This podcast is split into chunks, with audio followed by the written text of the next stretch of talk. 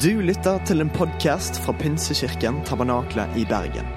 Vi tror at kirken skal være en plass hvor mennesker trives gjennom alle livets faser. En kirke for hele livet. Ønsker du å bli bedre kjent med oss eller holde deg oppdatert? Besøk vår Facebook-side eller ptb.no. Her er ukens tale. Du, eh, jeg, eh, Uten å være pastor, det får lov til å være i den kirken, så jobber jeg nå som snekrer to dager i uken. Og Det kan jeg love deg at jeg aldri trodde jeg skulle gjøre. Og Noen vil si at André, du jobber ikke som snekrer. Men jeg hjelper til da. på et sånt byggeprosjekt som er på min tomt. på et hus som trenger veldig mye å gjøre. Og Der hjelper jeg til og styrer på og jobber for tiden. Og det som er greien da, det er at Hvis man liksom legger sammen at jeg er snekrer og eh, pastor og har masse skjegg og går med sandaler Hvem, hvem er jeg, da? Hvem er jeg, da? Det er veldig dårlig respons på den. Altså, Det er ingen i denne salen som er mer lik Jesus enn meg akkurat nå. Så det, det, er jeg faktisk utrolig fornøyd med. Du kan bare, kan bare kalle meg Jesus fra Flesland. Det kan bli min nye greie. Jeg er glad at ikke det bare handler om å se ut som Jesus på den måten, men jeg er veldig fornøyd akkurat i dag. fordi at eh, det at jeg går med sandaler, har ingenting med å gjøre at jeg har et kjøttsår på hælen. Jeg gikk grådig langt på ski. Det skulle jeg ikke gjort. Sånn er det bare. Da kan du begynne podkasten. Og så er vi i gang. Du, når jeg har vært med litt i byggebransjen nå, så ser jeg at byggebransjen den holder på med to ting. Eh, den holder på med restaurering, som handler om at bygget, sånn som mitt bygg, som jeg eier, er helt i håpløs forfatning. Noe har skjedd over lang tid, eller lekkasje, eller et eller annet, som gjør at dette bygget det trengs å restaureres på ordentlig. Det trengs til og med noen ting må tas ut og må erstattes av nye ting. Det må liksom gjøres en skikkelig sånn renovering, restaureringsprosess. Og så har man det at man bygger helt nytt. Man bygger helt nye bygg som, eh, som aldri har vært før, og, og, bygges opp skikkelig, og så startes det helt fra, fra bunnen av. Og Vi skal inn i en voldsom byggeserie nå. Det er ikke bare fordi vi er inne liksom masse sånn byggeting for tiden, men vi tror at det fins noe i Guds ord til oss, og som handler om et byggeprosjekt i Det gamle testamentet. Og Selv om dette byggeprosjektet er liksom for lenge lenge siden og skrevet til noen folk i en viss situasjon og inn i en viss kontekst og sammenheng, så tror vi at når vi går inn i Guds ord, som vi tror er Bibelen, så er det sånn at vi tror at det kan si noe til oss i dag inn i situasjoner som vi møter i dag, inn i livet vårt i dag. Og det er vårt utgangspunkt i denne kirken, at vi alltid snakker ut ifra og vi prøver å formidle Guds ord inn i den tiden som vi lever i i dag. Sånn at du kan ta det med deg når du går ut herfra, ut i den hverdagen der du sannsynligvis lever som kristen. Og er du her og ikke er kristen, så er du utrolig velkommen til å være her. Men hvis du er her og kristen, så går du ut i hverdagen og så prøver du å leve ut de tingene. og Det ønsker vi. Og vi skal starte en ny taleserie om Nehemja. Og Nehemja den står i Gammeltestamentet, og jeg må gi dere en liten sånn, eh, en liten sånn hva er Hva det heter for noe? Background, sant? En liten sånn liksom, Hvor er vi nå i historien? Det, det starter med at Gud skaper så skaper han i verden, så skaper han mennesker. og Så velger han ut et folk, og så leder han dette folket til et land. og så Når de får dette landet, så får de konger som skal styre i landet. Disse kongene går det ganske bra med i tre ledd, og så begynner det å gå ganske dårlig. Ganske mange konger på rad går ganske dårlig. Så ender dette folket, Guds folk eller jødene, eller hva vi skal kalle det, sette ord på det, de ender opp med å bli kastet ut av landet sitt. Kongene gjør veldig mye sin egen greie istedenfor å følge Guds greie. Det blir noen som okkuperer landet, og så kastet de i eksil. Følger dere meg? Ja, til Babylon. Og nå er vi der at de har begynt fra eksil i Babylon få lov til å reise litt tilbake igjen til Jerusalem, til byen, til hovedstaden. Og så kommer vi midt inn i fortellingen her. Så møter vi Nehemja. Han er munnskjenk, jobber for den persiske kongen, som er den som var okkupasjonsherren. Og så står han i en setting der vi kommer midt inn i, der vi skal gjenoppbygge. Der hele Nehemja handler om å gjenoppbygge Jerusalem som by. Og noen av dere har kanskje hørt om disse murene som bygges, som vi skal komme til etter hvert. Og det er sånn at Vi kommer midt inn i historien her, og jeg skal lese kapittel 1 for dere. Da kom Hanani, en av brødrene mine, og noen menn fra Juda. Det er altså Nehemia, og det er hans journal vi leser. Jeg spurte dem ut om de judeerne altså Guds folk, eller hva vi kaller dem, som hadde sluppet unna fangenskap og om Jerusalem. De svarte de som har sluppet unna fangenskap der i provinsen, er i stor ulykke og vanære. Muren rundt Jerusalem er brutt ned og portene brent opp. Da jeg hørte dette, satte jeg meg ned og gråt. Jeg sørget i flere dager. Jeg fastet og ba til himmelens Gud.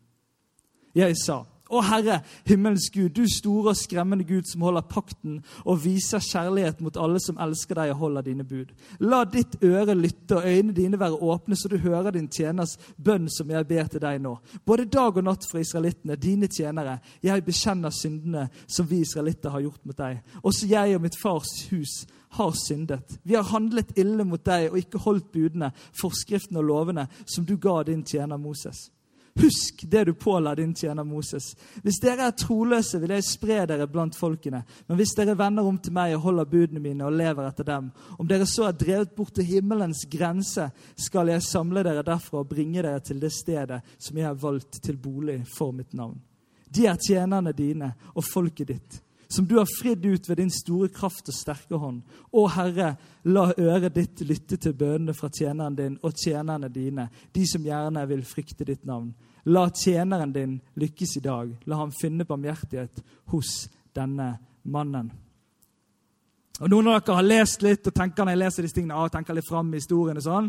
Og for dere som ikke har lest så mye, så kan det virke litt helt rart å bare skulle lese denne fortellingen. Men jeg skal bruke denne stunden vi har nå sammen, til å bare legge ut dette kapitlet for deg. Og i forberedelsene så ble jeg grepet, som jeg pleier å si. Jeg ble berørt. Det var akkurat som at Gud kom og, og, og ga en litt sånn her eh, spesiell tanke om at her er det noe som virkelig skal skje. Og da tror jeg ikke at det handler liksom at alt skjer i kveld, og liksom ut ifra kveld så kommer det til å være helt syke endringer. Men jeg opplevde at Gud minnet meg på at her skal det skje noe i folks liv. Og det skal skje noe i oss og gjennom oss i forhold til disse tingene som vi skal gå inn i nå i Nehemia. Og det var akkurat som at jeg gikk i forberedelsesfasen med litt lave forventninger. Og så kom Gud og bare sånn Hei, hva du holder på med? Her skal det skje noe. Så jeg hadde lyst til å bare si det til deg òg, at du òg kan ha forventning til det vi skal gå inn i sammen nå.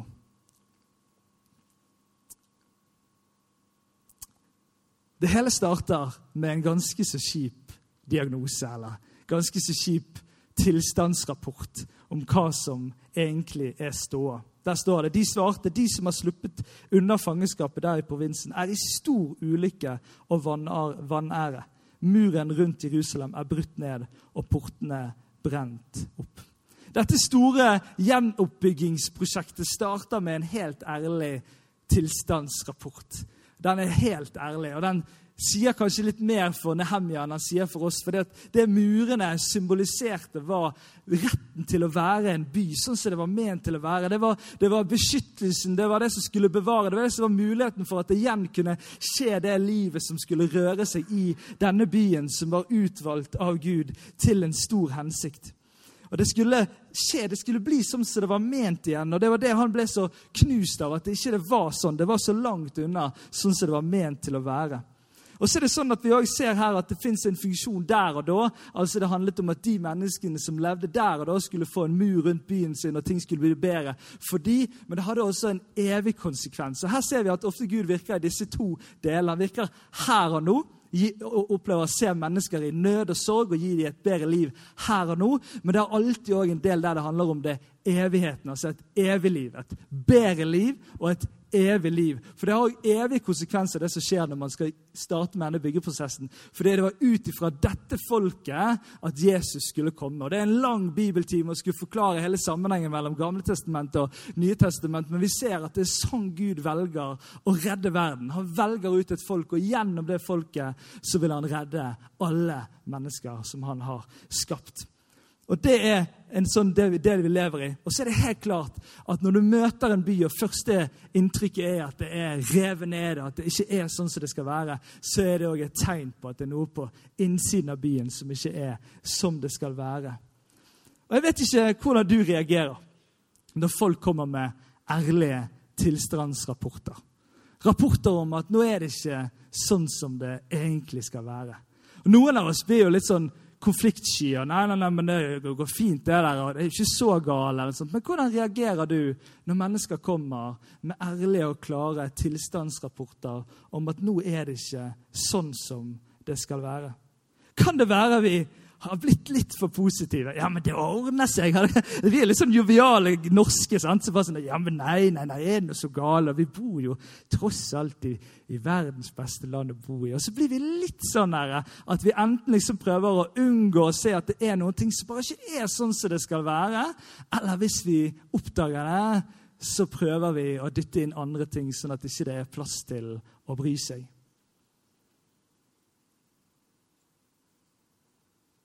Det er alltid fristende å rømme fra erkjennelsen om at noe ikke er som det skal være.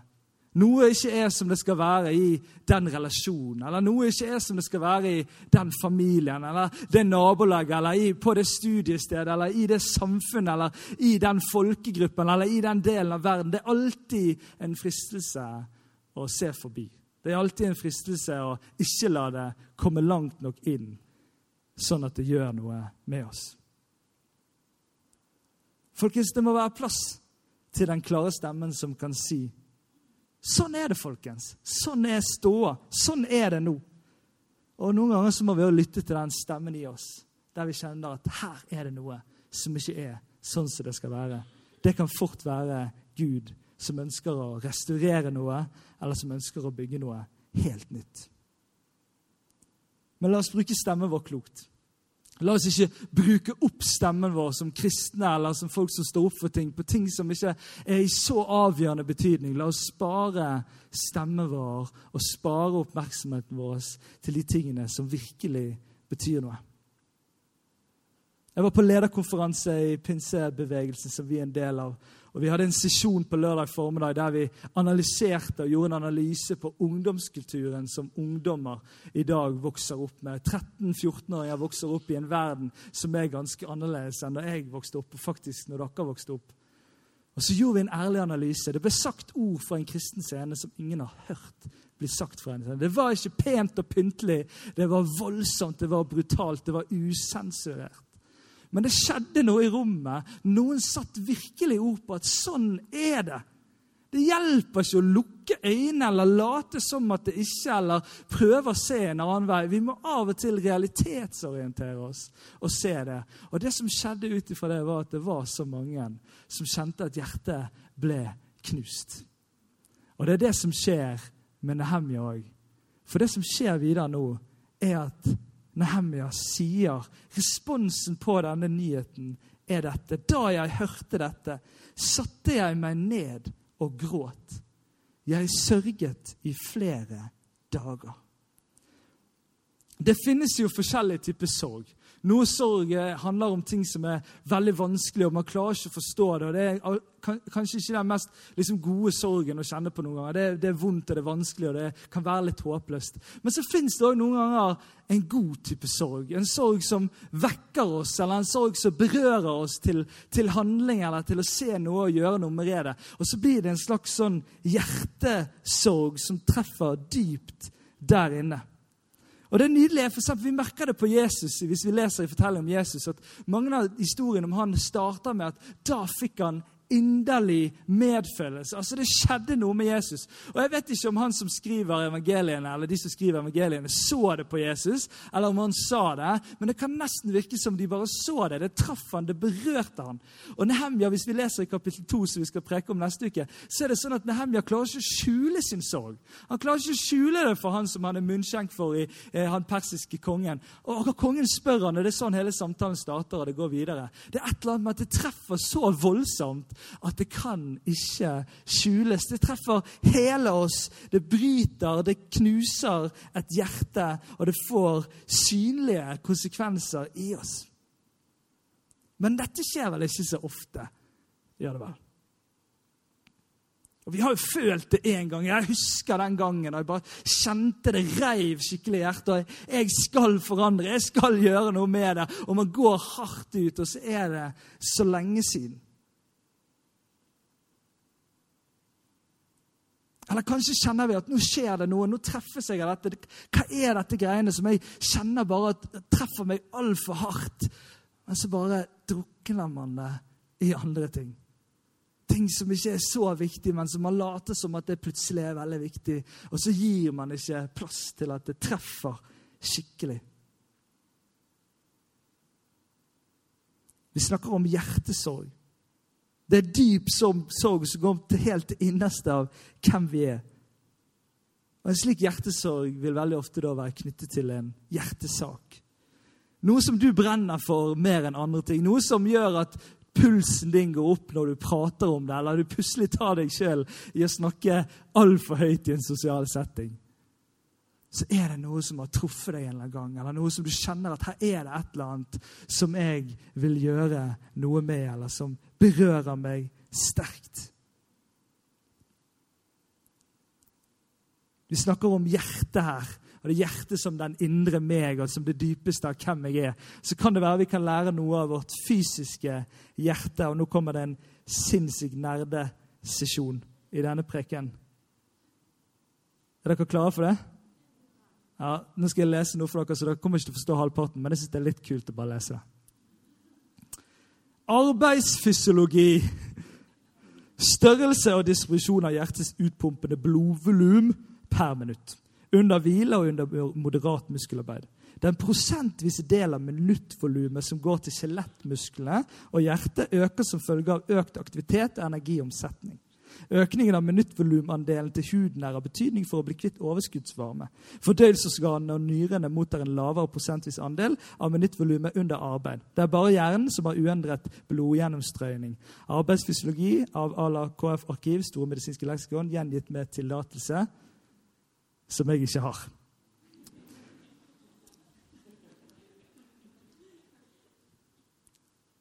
Det fysiske hjertet har en kapasitet. Det pumper, gir oss det vi trenger. I bevegelse så begynner det òg å prioritere, sånn at er, man får nok til det som man trenger til. Og jeg må jo bare si at er sånn liten sånn kristen side note-poeng er jo at selvfølgelig, hvis liksom det er alltid god gjennomstrømning til hjernen, for den trenger det hele tiden, så er det selvfølgelig Jesus. sant? Dere skjønte den linken der. Ja, Men det er ikke stort poeng i denne preken, men det er viktig så prioriterer det underveis. Så kan det være sånn at vårt hjerte, vårt innerste inne, er litt sånn òg. At det prioriterer litt. Det gir liv til noe ting, det gir energi til noe ting, og så er det noen andre ting det prioriterer ned. Og Her er det noen ganger vi ender opp med at vi får så mange behov. Det er så mange ting som skal til for at jeg har det sånn som jeg skal ha det, at det er ikke lenger plass, det er ikke lenger kapasitet til noe mer. Og Jeg opplever noen ganger at det er en av de største samfunnsutfordringene vi møter i vårt samfunn i dag. Det er at Mennesker har ikke plass til mer i hjertet sitt, for det er fryktelig fylt av oss sjøl. Det handler ikke bare om den rene, åpne egoismen av å bare prioritere seg sjøl, men det handler om så mange behov, så mange ting som må til for at jeg skal ha det sånn som det er best å ha det. Og så bruker vi kanskje opp kapasiteten. Profeten Isekel, en av profetene som roper ut, sier at vi kan få et nytt hjerte. Han snakker om en ny ånd, og så snakker han om et nytt hjerte. Og så snakker han om at man tas ut et steinhjerte, som handler om det hjertet som ikke har Det dødt, har ikke noe kapasitet, det er ikke noe liv i det. Og så byttes det ut med et kjøtthjerte som har masse kapasitet, og som har mulighet til å pumpe ut, og som har en helt annen mulighet til å være noe mer enn bare det som er for oss. Så kan det være vi i vårt indre hjerte trenger å gå noen runder på at er det plass til noe annet enn meg sjøl? Er det plass til noen andre ting som er viktig? Kan det være vi må hjelpe av og til å fokusere? Hva er det som skal få blodet nå? Hva er det som skal få energi? Hva er det som skal få fokuset? For jeg tror vi noen ganger ender opp med å bruke det opp. Det handler ikke om at du ikke er verdt noe lenger, at det er ikke noen bryr seg om deg, men det handler om at du blir utfordret til å leve for noe større enn deg sjøl. Og der fins det òg en frihet fra seg sjøl på godt, på en god måte, som handler om at man ikke alltid trenger å måtte kjempe for sitt eget behov. Det er ikke mange i denne boken som går bedrøvet vekk fra Jesus. Det er noen som går sint vekk etter å ha tapt en diskusjon eller mener at Jesus er helt på trynet. Men det er ikke mange som går bedrøvet vekk. Men det er en mann som går bedrøvet vekk. Han kommer til Jesus og spør han, hva skal til. Ikke bare for at jeg skal komme til himmelen, men hva skal til for at jeg får arve alt det som du har å komme med, alt det som du har å gi. Og Så kjenner Jesus denne mannen sånn som Jesus kjenner oss alle, og så sier han, gå og selg alt det du eier. Og Så får vi høre en tilleggskommentar om at han gikk bedrøvet bort, for han eide mye. Og Dette handler ikke om en historie om at du må selge alt for å, for å være sammen med Jesus, men det handler om at noe tar plass i livet. Det handler om at noe fyller opp, og så utfordrer Jesus oss på til å rydde litt plass. Til å ha plass til noe mer enn det som er, handler om oss sjøl, og kanskje det som fyller opp, uten at vi egentlig finner helt ut av det engang. Det bare skjer. Plutselig så bare tar vi oss sjøl i at det er helt sinnssykt viktig å bygge et hus på Flesland. Akkurat som at det liksom er avgjørende i verdenshistorien at jeg får til det. Ja, det er litt fundamentalt i forhold til å ha et sted å sove. sant? Dere er enig med det? Men det er noe med wake-up call. da. Når vi plutselig tenker at den eksamen betyr mer enn et annet menneskeliv. Når vi tror at disse tingene vi møter i morgen, er så vanvittig stort for oss, og så blir det så stort for oss at det ikke er plass til noen andre ting som kanskje egentlig i realiteten er så mye, mye større. Når mobilen er full, sånn at data Ikke data, men plass. Gigabyte, hva heter det? Søren, nå ble jeg gammel. Så må du slette noe for å få plass til mer. Bra eksempel. Jeg tror noen trenger litt restaurering i hjertet. Jeg tror det er sånn at noen her inne har, har kjent på dette. Og Mange kan ha opplevd det i ungdomstiden og bare lagt det der sånn, ja, men da var jeg bare ung og, og, og liksom tenkte at alt var mulig, og det var bare teit. Men jeg tror noen trenger å komme tilbake til noe som har blitt plantet inn der. En eller annen hjertesak noe, en eller annen hjertesorg som ble lagt inn der, og du kjente at dette reiv og sleit, men så har det bare døyvet seg. Kanskje er det livet som bare ble sånn. Kanskje er det studiene, kanskje er det et eller annet som bare trengte seg på, som gjorde at her var det ikke plass til mer plutselig. Det var ikke meningen, det var ikke ment sånn, men det bare ble sånn. Og så trengte det å restaureres. For restaureringen handler om at det som var ment sånn, som plutselig ikke er det lenger, blir bygget til å bli det igjen det som det var ment til å være. Og så tror jeg vi trenger noen sånne nye hjerter. Der det fødes en helt nytt engasjement, en helt ny hjertesak. Der plutselig Gud er på ferde. For det er hans hjerte som skaper dette. Han, det er noe urettferdig som skjer i den verden, som han planter i ditt hjerte. Og så blir du knust av det, og så bærer du det med deg i livet og skal få lov til å være med og gjøre noe med det. Men det fins alltid en risiko. Det fins alltid en risiko av å bære på en hjertesak eller å dele den ut. Nehemja han ender opp med å dele dette til denne kongen som hadde munnskjenk for. Og Det er denne kongen som har stoppet gjenoppbyggingen av muren. Nehemja han risikerte livet når han fortalte hva han brant for. Hva han ønsket når han ville tilbake igjen og bygge opp igjen. Det fins en risiko Det en risiko at mennesker som vil si er du helt dum i hodet. Kjemper du for de greiene der? Og vil stå imot deg eller vil si dumme ting som gjør at du føler deg uintelligent, eller som føler at du er på, på helt syke veier. Det kan være ting som skjer i himmelen vei jeg håper å si, i forhold til åndelig verden, der det kan settes i ting der du kan kjenne at oi, kjenner motstand hver gang jeg gjør dette her, eller kjenner at liksom, det er et eller annet som stopper meg, og hva er dette greiene? Og så er det liksom en, en kamp i en verden som man ikke helt klarer å se, men han er allikevel virkelig.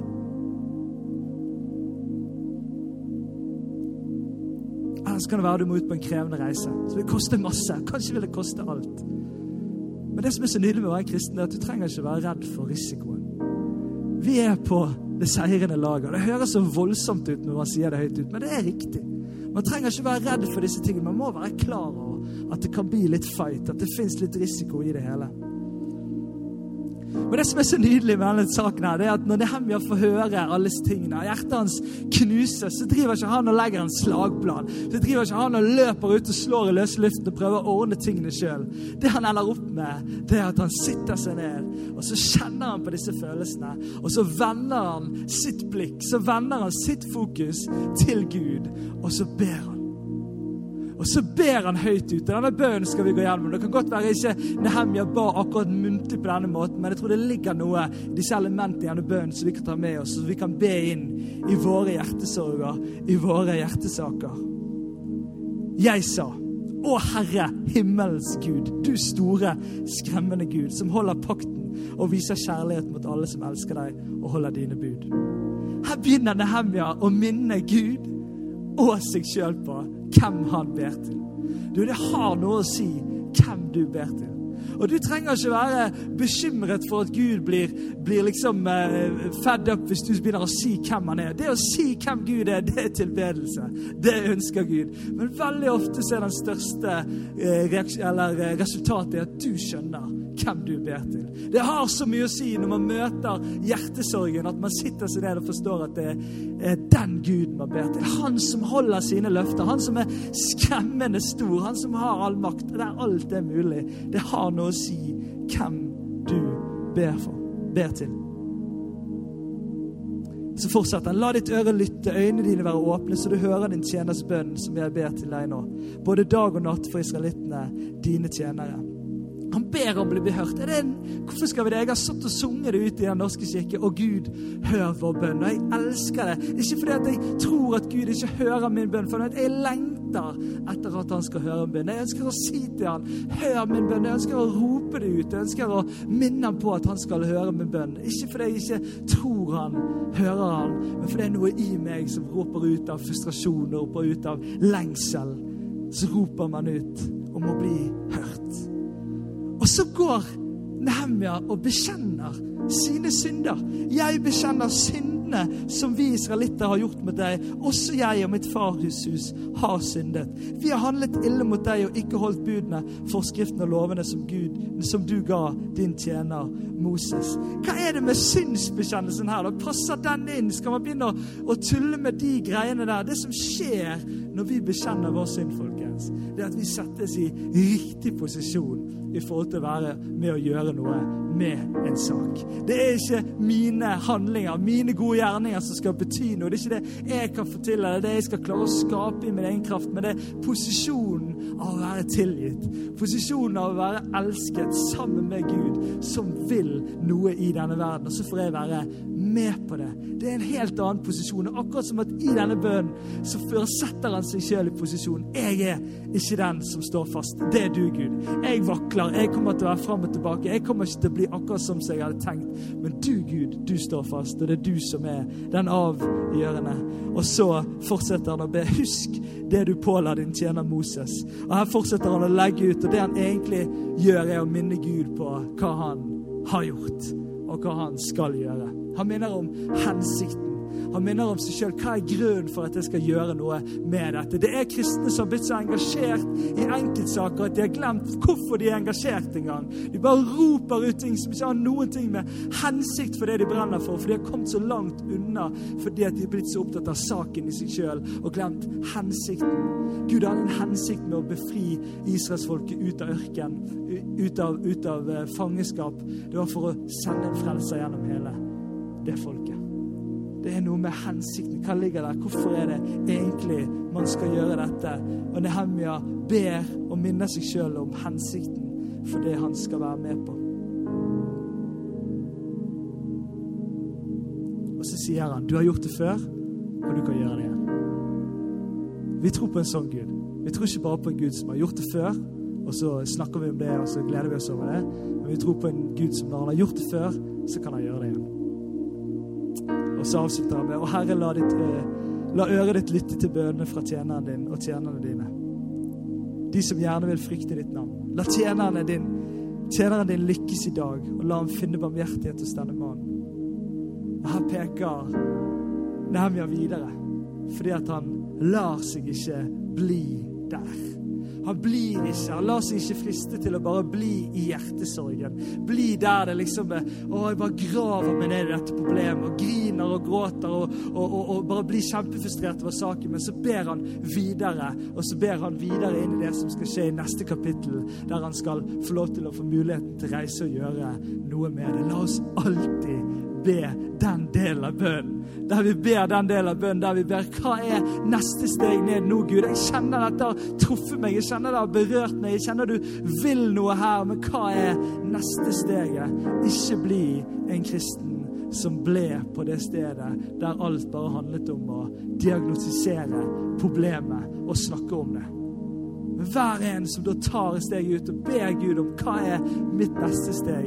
Og da kommer det noen par utfordringer som vi skal snakke om neste uke. Det kan virke som at Nehemia sin bønn er så velformulert og fin. Og Kanskje skrev han den ned, eller noen skrev han ned. Men jeg kan love deg at mine bønner når det gjelder hjertesorg og hjertesak, er langt fra pene bønner. Det er langt fra fine bønner, for det er ikke pent og pyntelig når man skal gjøre noe med urettferdigheten. Det er ikke pent og pyntelig når man skal forandre noe som har blitt noe som det egentlig ikke skulle være. Da er det skrik, da er det smerte, da er det frustrasjon. Da er det mange ord som handler om, om sinne, og som handler om, om, om, om, tårer rundt det som har skjedd. Det blir ikke pent og pyntelig, folkens. La oss ikke være sånne pene og pyntelige kristne. La oss tåle de sannhetene som er, og la oss rope de ut skikkelig når vi må. Det blir litt kaos, kanskje. Det blir litt utenfor vår komfortsone ganger. Og vi får lov til å være med på noe som er så mye større. Som er så avgjørende.